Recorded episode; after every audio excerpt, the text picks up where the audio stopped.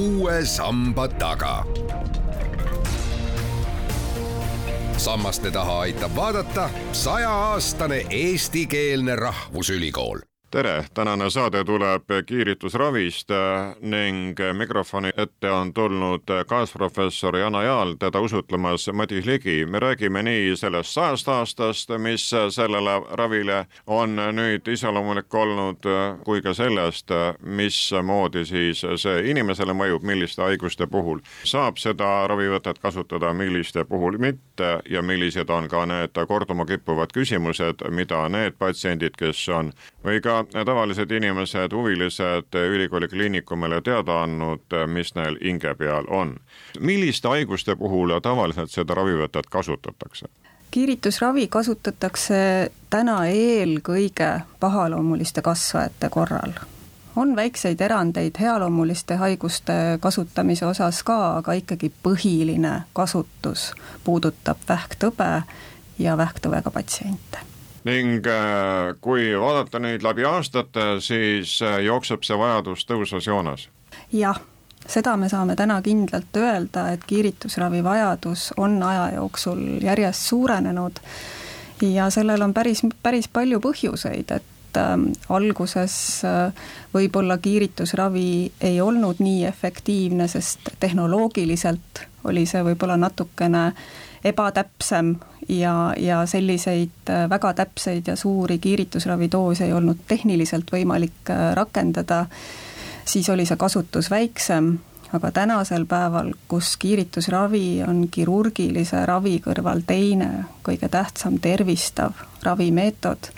on see vajadus oluliselt suurem. ja huvitav on võib-olla ka see, et, äh, et see vajadus järjest suureneb, sellepärast et ka näidustusi tuleb järjest juurde et kui varasematel aastatel kasutati kiiritusravi enamasti ainult haiguse neljandas staadiumis, no vähktõve puhul on, on neli staadiumi, haiguse staadiumi, millest siis esimene on kõige väiksem, ehk haigus on lokaalne, ja neljas on siis kõige suurem, kus siis lisa, lisaks lokaalsele äh, Äh, haigusele on, on tekkinud ka siirded teistes elundites, siis kiiritusravi kasutus on täna läbi kõikide staadiumite, alates esimesest ja lõpetades neljanda staadiumiga, nii et see kasutus on väga-väga-väga lai täna kliinikumi kodulehelt lugesin, et kiiritusravi kordade arv ulatub äh, kuni kolmekümne viieni, mis see tavaline doos on nii-öelda? jah, seda on väga raske, raske öelda, mis on see tavaline doos, et see sõltub täiesti haigusest, selle haiguse asukohast, et see võib olla ka täiesti nii, et on ainult üks kord, näiteks kui on väike aju metastaas või väike ajukolle, siis väga suure tõenäosusega saab sinna teha ka ainult ühekordse ravi ja sellisel juhul nimetatakse seda juba ka radiokirurgiaks kus on üks kiiritusraviprotseduur, mis haiguse nii-öelda peaks siis välja ravima. aga jah, see võib olla tõesti ka kuni kolmkümmend viis korda, seda siis kasutatakse näiteks näiteks eesnäärmevähi puhul. nii et see sõltub haigusest, see sõltub haiguse asukohast, see sõltub, äh, sõltub äh, eesmärgist, et kui meie eesmärk on see, et inimene täielikult tervistuks,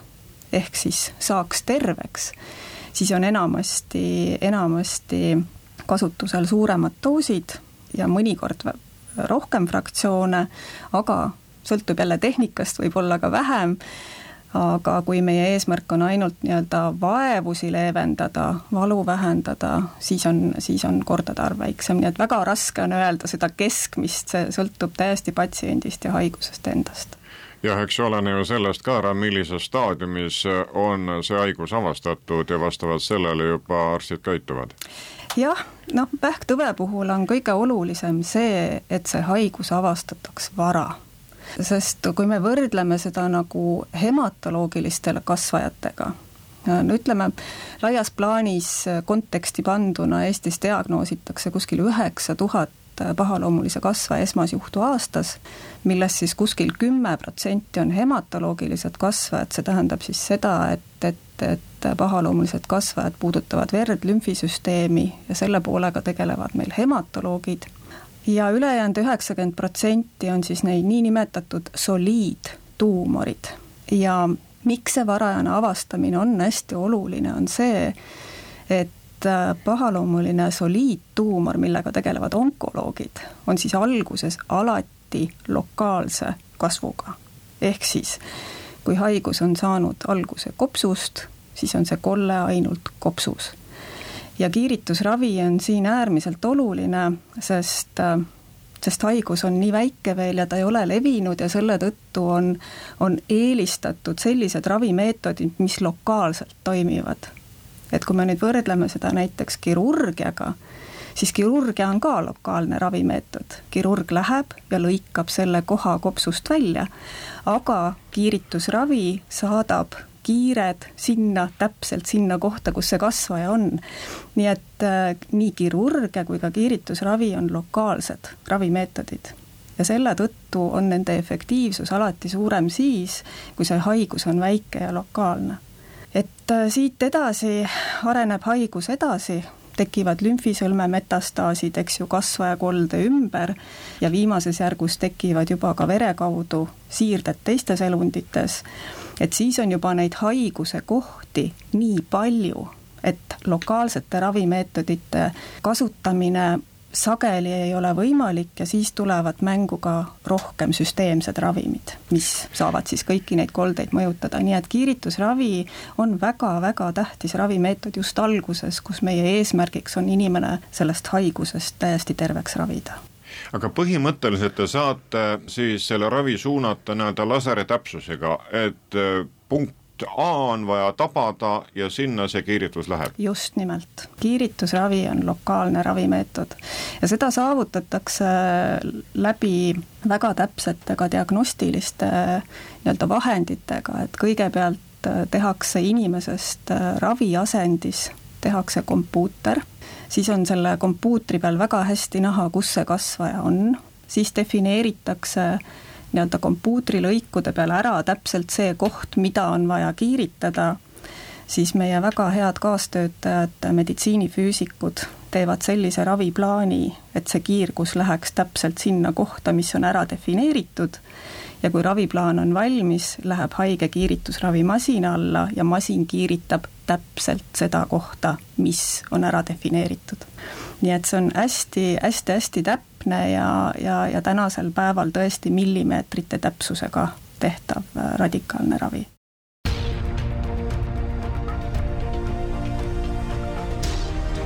uue samba taga sammaste taha aitab vaadata sajaaastane eestikeelne rahvusülikool ja näol, selleks aga, et inimestele seda kiiritusravi teha, peavad enne toimuma ka katsed. kes on siis katseloomaks? jah, tänasel päeval peab tõdema, et me räägime ainult tõenduspõhisest meditsiinist, et kõik, mida, mida me haigetel kasutame või mis on ka Eesti Haigekassa poolt rahastatud nii-öelda, peab lähtuma siis tõenduspõhisusest aga peab ütlema, et võrreldes nüüd medikamentoossete vähiravimitega, on kiiritusravialaseid selliseid kliinilisi uuringuid oluliselt vähem. noh, eks siin on ähm, eelarve küsimused alati, sellepärast et äh, kindlasti rahalist poolt ei ole kiiritusravis nii palju, kui on medikamentoosse ravi poole peal. nii et neid uuringuid on vähe, aga neid õnneks on aga, aga väga sageli, mida me nende aastate jooksul oleme näinud ka, on see, et et kui mingisugune uus kiiritusravi meetod tuleb, siis äh, me hakkame seda lihtsalt empiiriliselt kasutama ja siis lihtsalt kasutuskogemuse käigus saame me need äh, nii-öelda asjad käima. nii et paraku neid kliinilisi uuringuid äh, nii palju ei ole, neid on, aga võiks kordades rohkem olla kui vaadata saja aasta taha, sest äh, just nimelt sajandiga kiiritusravi ajalugu mõõdetakse, siis äh, kas äh, kohe alustati kasvajatega? kiiritusravi kasutuselevõtt toimus praktiliselt kohe, kui avastati röntgenkiired, see on siis juba üle-eelmise sajandi lõpus. Ja Tartus Eestis tehti siis esimene kiiritusravi Tartus naistekliinikus Toomemäel kümnendal jaanuaril tuhat üheksasada kakskümmend üks. Aga kiiritusravi on kasutatud ka väga paljudel teistel põhjustel, alguses kaasa arvatud äh, pea-naha-seenhaiguse korral, mida, mida tänasel päeval enam ei tehta, aga jah, põhiliselt ikkagi algusest peale üritati kiiritusega ravida just pahaloomulisi kasvajaid kuid minevikust läheme tulevikku, te olete ühes artiklis kirjutanud, et äh, kui vaadata aasta peale kaks tuhat kolmkümmend, siis võrreldes tänasega tõuseb ravivajajate arv neljandiku võrra, see on ikka üsna karm tõus. see on karm tõus, aga see on see, mis meid ees ootab. Ja sellel on ka päris mitu põhjust, et esiteks see, et pahaloomulistesse kasvajatesse haigestumine tõuseb üleüldiselt inimesed elavad kauem, nad ravivad oma kaasuvaid haigusi, eelkõige siis südame-veresoonkonna haigusi palju efektiivsemalt, et nende inimeste arv, kellel elu jooksul võib see hai-, pahaloomuline haigus välja kujuneda, on ikka järjest rohkem ja rohkem. ja teine põhjus on see, et, et kui kiiritusravi alguses oli kasutusel ainult teatud juhtudel, teatud staadiumites, siis nagu ma eelnevalt mainisin, siis tänasel päeval vajavad kiiritusravi praktiliselt kõik haiged väga paljudes staadiumites ja võib-olla mis tänasel päeval on kõige olulisem, on see, et äh, ka neljandas staadiumis võib kiiritusravi olla väga-väga efektiivne ja teatud juhtudel anda isegi inimesele tervistumist, sest ähm, seda eriti sellistel juhtudel, kus kollete arv on väike noh, näiteks ma võin tuua näite, et on, haige prognoos on täiesti erinev sellisel juhul, kui näiteks paremas kopsus on kasvaja ja tal on maksas kümme metastaasi, kui näiteks selline haige, kellel on paremas kopsus kasvaja, aga tal on ainult üksik luumetastaas, siis selliste niinimetatud väikese arvuga metastaaside korral, kasutades lokaalset ravimeetodit, milleks kiiritusravi on, on võimalik saada ka tegelikult äh, mõnikord tervistumist. nii et äh, kuna see neljanda staadiumi ja metastaaside kiiritus on nagu viimastel aastatel hästi jõudsalt nagu juurde tulnud, siis ainuüksi tänu sellele tõuseb veel nende inimeste arv, kes kiiritusravi vajavad. et kui siin kümme ja kakskümmend aastat tagasi arvati, et laias plaanis umbes pooled vähihaiged vajavad oma haiguse perioodil kiiritusravi, siis nüüd nende uute näidustuste lisamisel öeldakse, et isegi kuni seitsekümmend ja kaheksakümmend protsenti nii et näidustuste hulk on tõusnud ja iseenesest haigus on sagedasem. et see on see põhjus, miks see tõus nii suur tuleb aga õnneks on tõusnud ka meie haiglate varustatus paremale järjele, nii et te saate ka rohkematele abi anda ning teadlase õppejõuna lisata siia oma kogemuse juurde ning nii siis on kindlam ka toimetada jah, no sellega päris ei saa nõus olla, et, et Eestis on asjad hästi, et äh, tegelikult äh, see, mis on murekoht hetkel Eestis, on see, et kiiritusravi kättesaadavus ei ole optimaalne. vaatamata meie hea, heale meditsiinitasemele on, on, on asjad siin tegelikult väga halvasti. et noh, võrdluseks näiteks, kui aastal kaks tuhat kolmteist Euroopas keskmiselt oli äh, viis koma kolm kiiritusravimasinat ühe miljoni elaniku kohta, siis sellel samal aastal, kaks tuhat kolmteist, oli Eestis ainult kolm ja täna, üheksa aastat hiljem, ei ole me ikka saavutanud seda Euroopa keskmist, mis siis oli viis koma kolm, täna on meil see number neli koma kuus. nii et masinate arv ei ole piisav, selle tõttu ei saa tegelikult väga palju inimesi ravile õigeaegselt. et me ütleme, et selline hea kvaliteedi näitaja on see, kui inimene saaks kiiritusravile nelja nädala jooksul, kahekümne kaheksa päeva jooksul, aga ressursipuuduse tõttu seda ei suudeta tagada, siis see on suur probleem ja siia juurde tuleb ka see suur täpsus, millest ma juba rääkinud olen, et paraku on nii, et mida täpsemad me kiiritusravis tahame olla, seda rohkem nõuab see nii rahalist ressurssi kui ka aega. et võrdluseks jälle, et kui, kui vanasti sai ühel kiiritusravimasinal ravida ära kuni nelikümmend haiget päevas, siis näiteks üks haige, kellel on pärasoolevähk ja näiteks kolm aju metastaasi, siis ühe sellise haige kiiritusravi võib kesta üks tund. ehk siis me saame ühe tund, ütleme ühe tööpäeva jooksul ära ravida ainult kaheksa haiget, mitte nelikümmend. ehk siis mida täpsemaks me läheme, seda rohkem see nõuab nii rahalist kui ajalist ressurssi ja selles tingimustes öelda veel, et masinate arv ei ole piisav, on väga-väga kurb. saate lõpuminutitel jõuame üles tõsta ka kliinikumi kodulehel olevad äh, korduma kippuvad küsimused, mis siis inimestel on hinge peal seoses kiiritusraviga ning esmalt äh, päritakse seal, et millist kiirgust ravis kasutatakse? tegemist on äh, gammakiirgusega. kui sageli ja millised on kõrvaltoimed? Äh, see nüüd sõltub jällegi hästi paljudest asjadest. Äh, see sõltub sellest, millist kohta kiiritatakse, sest äh, tegemist on, veel kord rõhutan, lokaalse ravimeetodiga.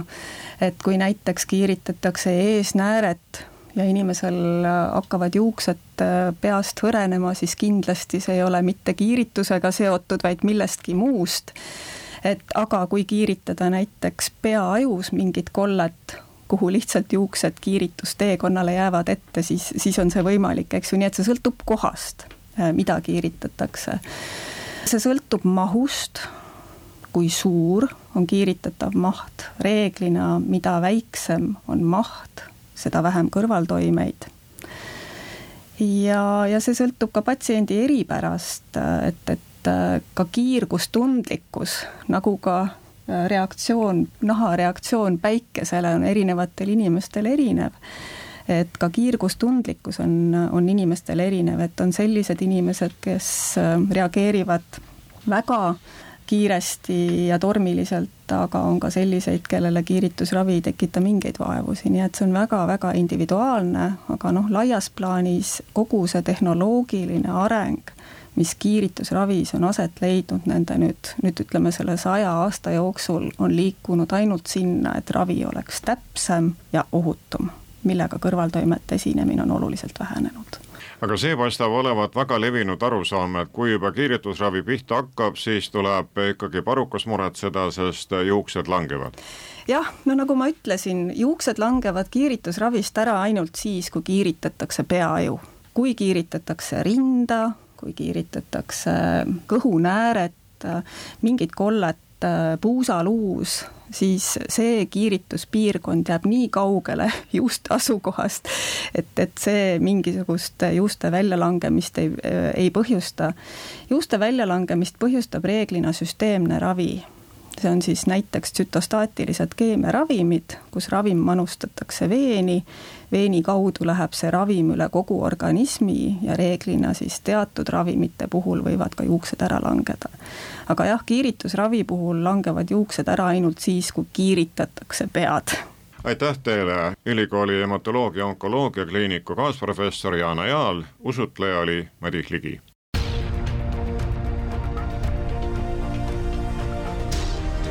uue samba taga. sammaste taha aitab vaadata sajaaastane eestikeelne rahvusülikool